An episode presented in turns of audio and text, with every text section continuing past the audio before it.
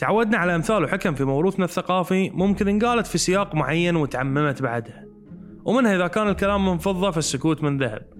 خلنا نتخيل لثانية أن كل المتحدثين اللي خذينا منهم علم ومعرفة طبقوا هالحكمة كان صار؟ أتوقع كان كلنا حين خرسان.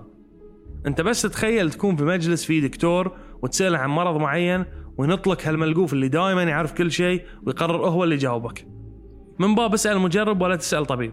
أنا ما ليش بعد الطبيب رايح متعب روحه ودارس سبع سنين. المهم حزتها الدكتور يقول لك خل أقرر إني أفعل الحكمة وأسكت لأن السكوت من ذهب. وأنت تأخذ المعلومة من المجرب واحتمال كبير يدخلك بالطوفة.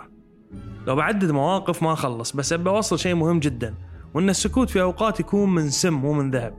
وخاصة لما يكون الكلام الموجود في كل مكان هو السلبية والتحبيط. وأنت عندك كلام ممكن يعطي أمل ومعرفة بس تقرر إنك تسكت. لاحظ أن كل اللي ما يطبقون الحكمة هم اللي صارت لهم بلاوي أو عندهم هواية إنهم ينشرون كل ما هو سلبي ويخليك تشنق روحك لأن الحياة صعبة. بس لما أحد ينجح وينجز بدل ما يشجع غيره تلاقيه ساكت لأنه يخاف يتكلم ويهاجمون السلبيين فيقول لك السكوت من ذهب، السكوت مو دائما شيء زين. السكوت عن نشر المعرفة والإيجابية هو السلبية وهو سبب خراب مو حكمة نتغنى فيها.